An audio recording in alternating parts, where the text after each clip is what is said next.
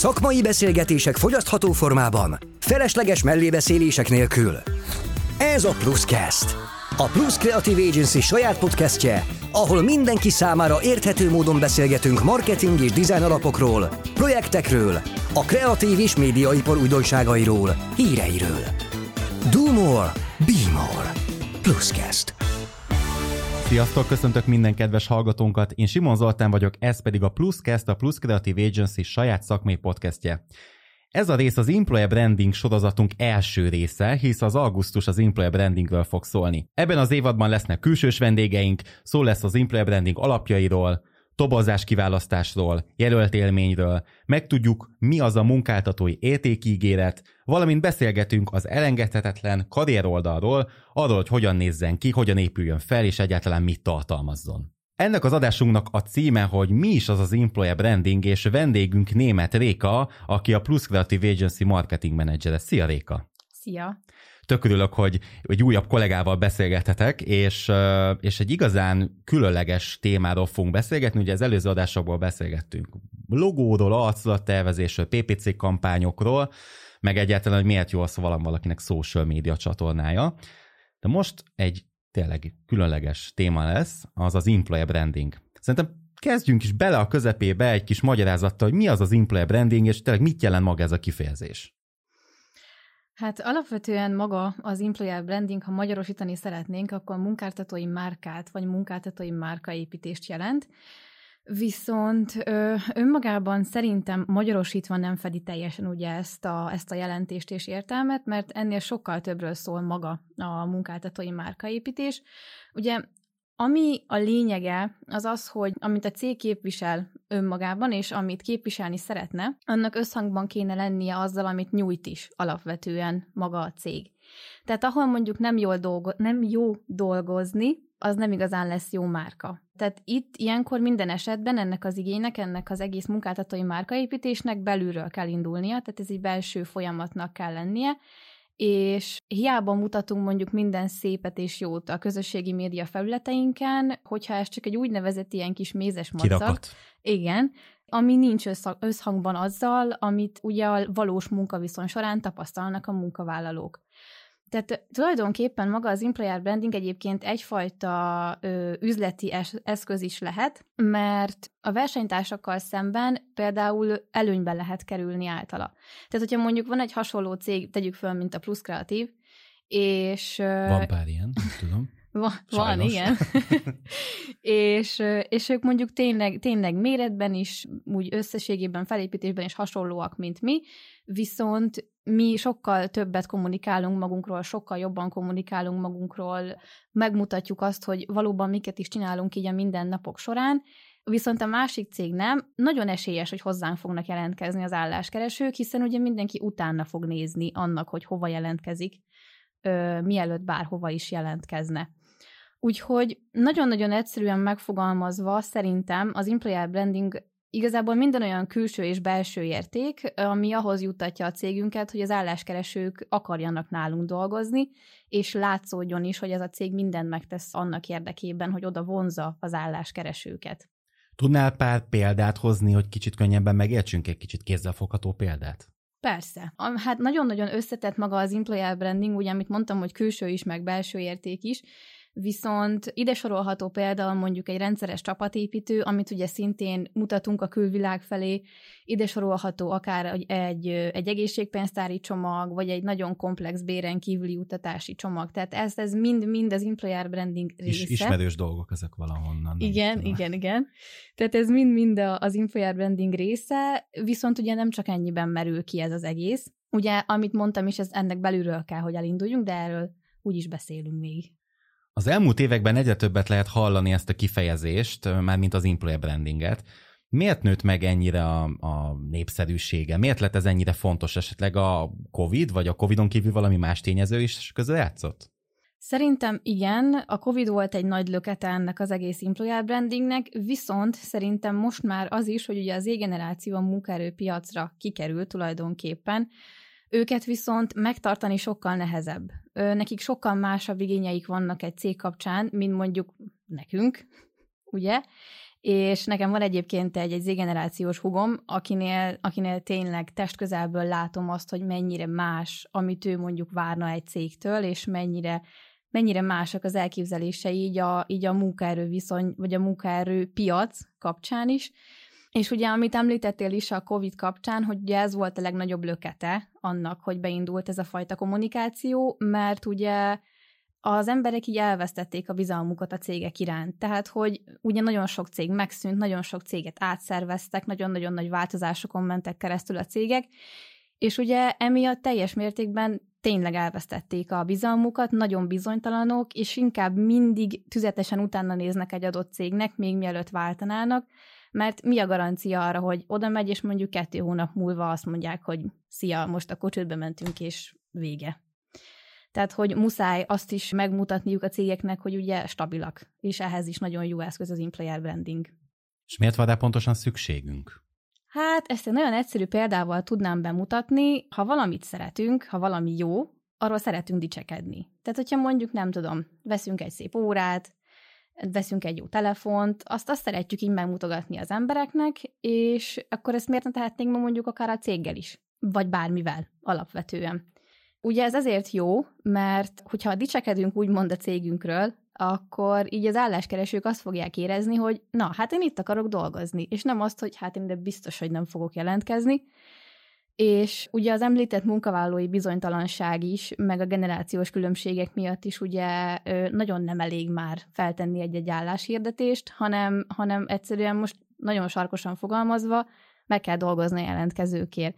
Persze ez pozíciófüggő is, tehát hogy, hogy nem mindegyik pozícióról beszélhetünk ilyen nagyon nehezen betölthető pozícióként, de... De mondjuk fehér galléros munkák esetében gondolom ez sokkal nagyobb jelentősége, jelentőséggel bír, mint mondjuk kék galléros munkák esetén az employer branding. Mm, nem minden esetben. Nem? Nem minden esetben. Ö, ugye nyilván az employer brandingnél ö, meg kell találni azokat a részeket, amiket kommunikálni kell a kék galéros és a fehér galéros munkavállalók felé. Tehát ugye mind a kettőjüknek, tehát mind a kettő rétegnek nagyon fontos, hogy meglegyenek azok az értékek, amiket keresnek egy cégben, viszont ugye a fehér galérosoknak eltérő a kék galérosoktól. Tehát nekik más-más lesz a fontos. Mondjuk tegyük föl, ha beszélünk, nem tudom, egy, egy gépjárművezetőről, Nekik ugye az a fontos, hogy a hétvégéjük szabad legyen, ne kelljen ugye heteket a kamionban tölteni. Nekik ez, ez a lényeg, ez egy érték. Mondjuk egy, egy fehérgaléros munkavállaló esetén pedig mondjuk lehet, hogy valakinek a heti három home office egy érték. Úgyhogy ezért mind a kettő részettségét is így meg kell fogni ennek az egésznek, hogy megnézzük azt, hogy a, a fehér és a kék galéros munkavállalók esetében mi az, ami fontos, Úgyhogy elég komplex egyébként, mert ugye nem csak az álláskeresőknek, hanem a magának, ugye a, a cégünk dolgozóinak is szakterülettől függetlenül ezáltal másak lesznek az igényeik. Mi köze van a fluktuációhoz, illetve és, és a megtartáshoz az employer brandingnek?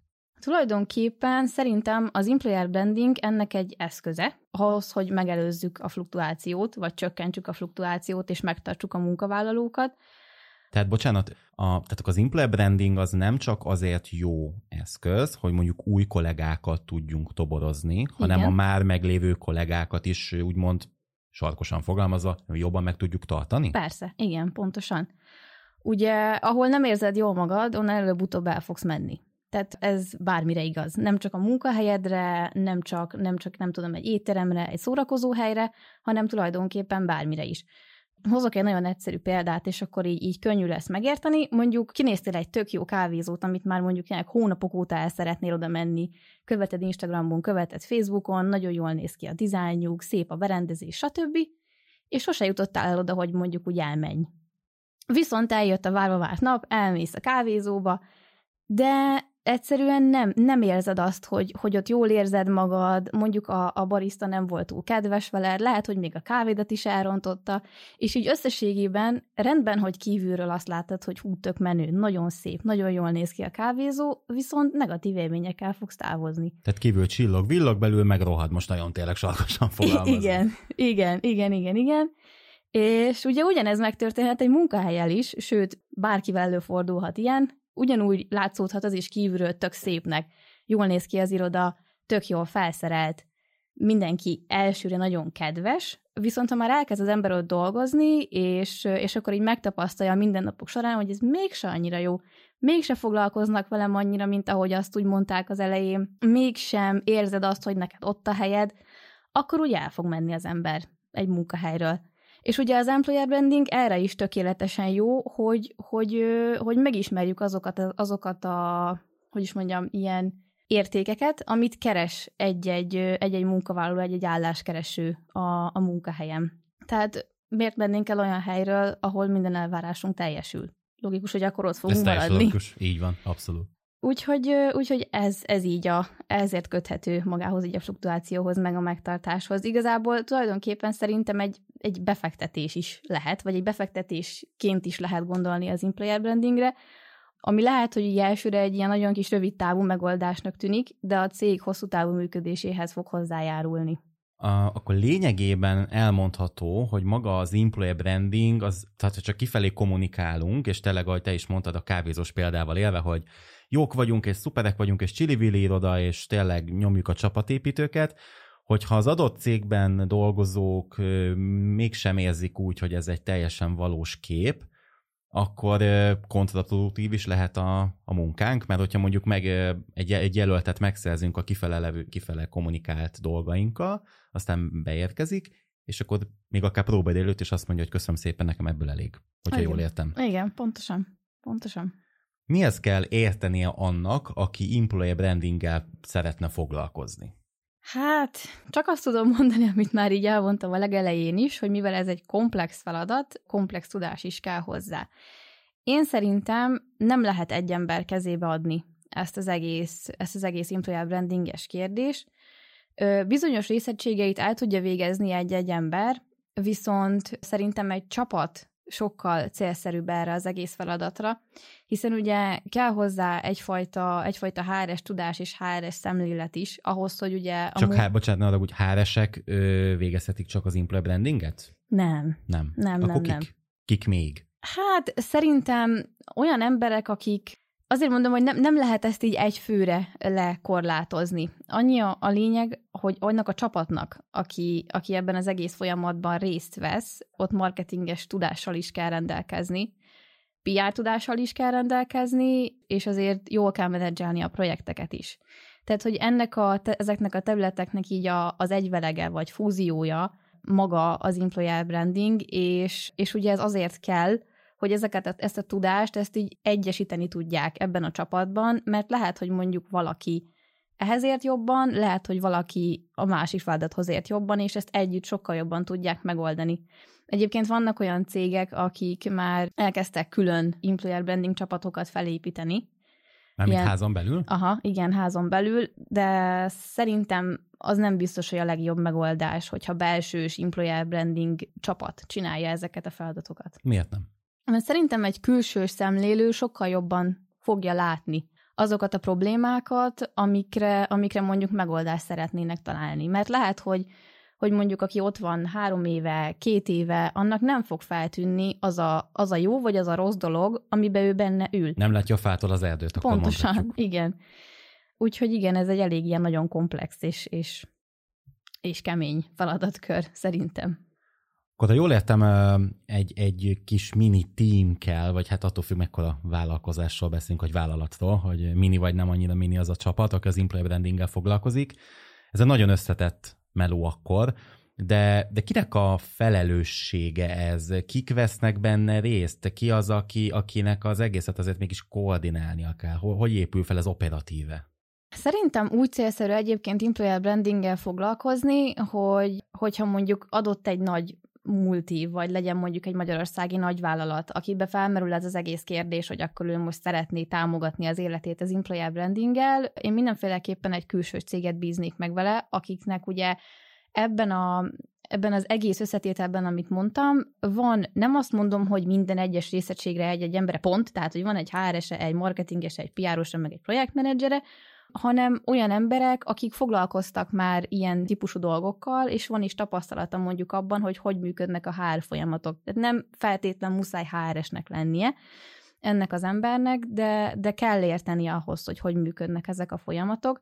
És igazából ez egy olyan feladat, amit, amit cégen belül Isten igazából senki nem szeret magára vállalni, mert ugye, amit említettem is, hogy minden területről van benne egy kicsi tudás, ugye, aki HR területen van, ő fogja tudni azt, hogy, hogy mondjuk milyen álláshirdetést, milyen platformokon érdemes meghirdetni, egyáltalán hirdessük meg állásportálokon, ne hirdessük meg állásportálon, vegyünk-e segítséget, vagy kérjük-e fejvadász cég segítségét, vagy, vagy nem, és Ugyanígy a marketinges fogja tudni azt, hogy mondjuk egy adott állás hirdetést meg kellett támogatnunk magával, ugye hirdetésekkel, akár Facebookon, akár, akár Google-on, illetve ez az egész folyamat, amit employer brandingnek hívunk, ezt össze kell fognia valakinek.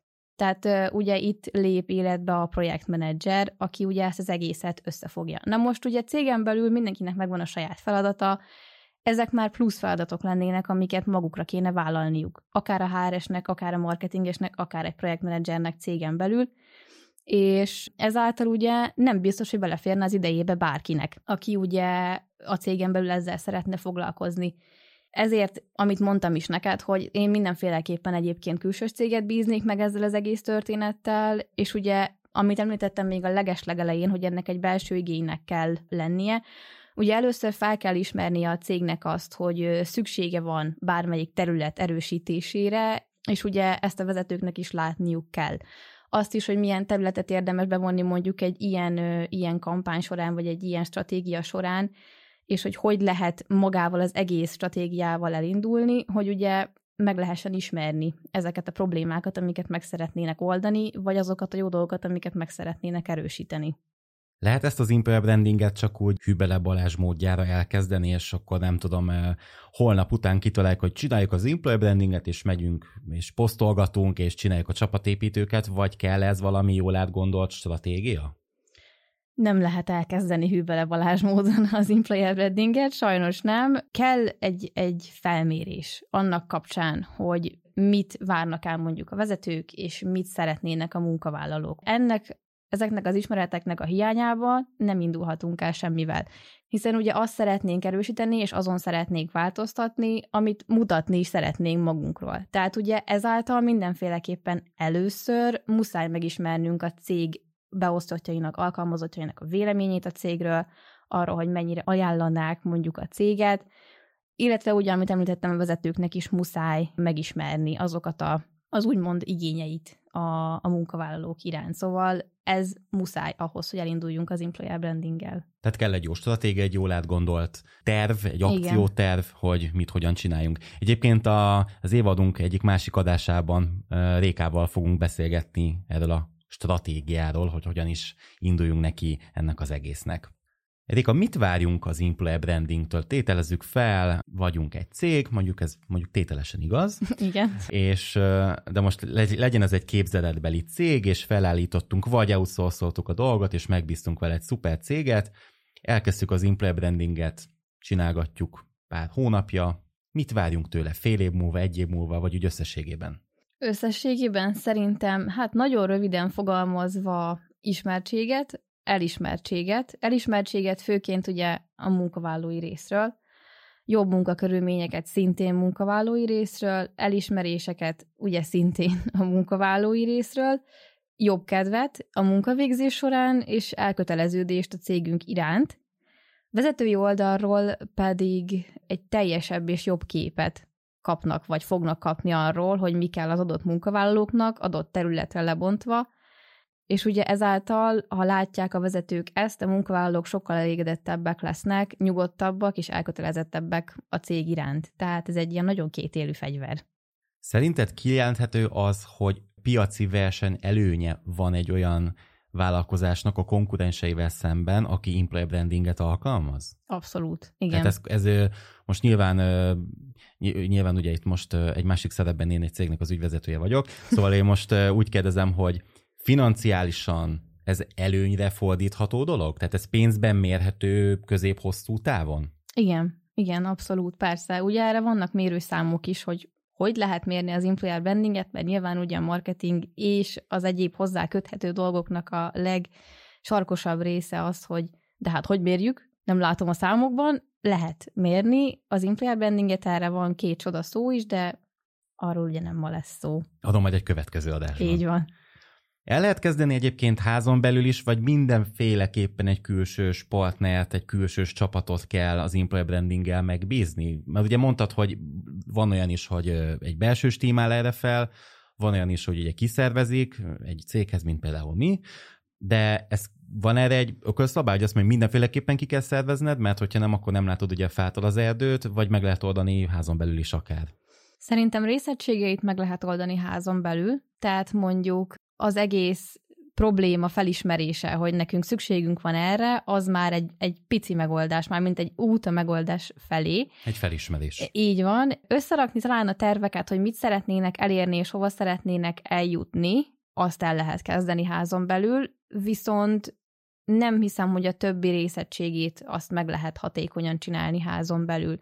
Tehát ugyan, amit említettem is, hogy egy külső szemlélő sokkal jobban fogja látni az adott terület problémáit, vagy a pozitívumait, ezt nem biztos, hogy belülről látjuk, hiszen egy párhuzamot vonva egy szervezetfejlesztő csapatot sem a saját cégünk dolgozóiból fogunk összerakni, és ez nagyon hasonló terület egyébként. Réka, hát nagyon szépen köszönöm, hogy itt voltál, és az első, az Employer Branding sorozatunk első mondhatni alapozó részében megtudhattuk tőled, hogy mit jelent maga a munkáltatói márkaépítés, miért van rá szükség, ugye verseny előnye lehet ebből egy vállalkozásnak, és ugye itt a végén feszegettük is, hogy mit várhatunk ettől, hogyha employer brandinget csinálunk a saját csapatunkba, vállalkozásunkba. Köszönjük, hogy itt voltatok velünk, várunk titeket következő adásunkban is, ahol meghívott vendégünkkel többek között a toborzás kiválasztásról, interjúztatásról és jelöltéméről is beszélgetni fogunk. Ne felejtsetek el követni, rétingelni minket, valamint várjuk kommentjeiteket, és ha szeretnétek értesülni következő adásainkról, iratkozzatok fel podcast felületeinkre és a YouTube-on. Sziasztok! Sziasztok!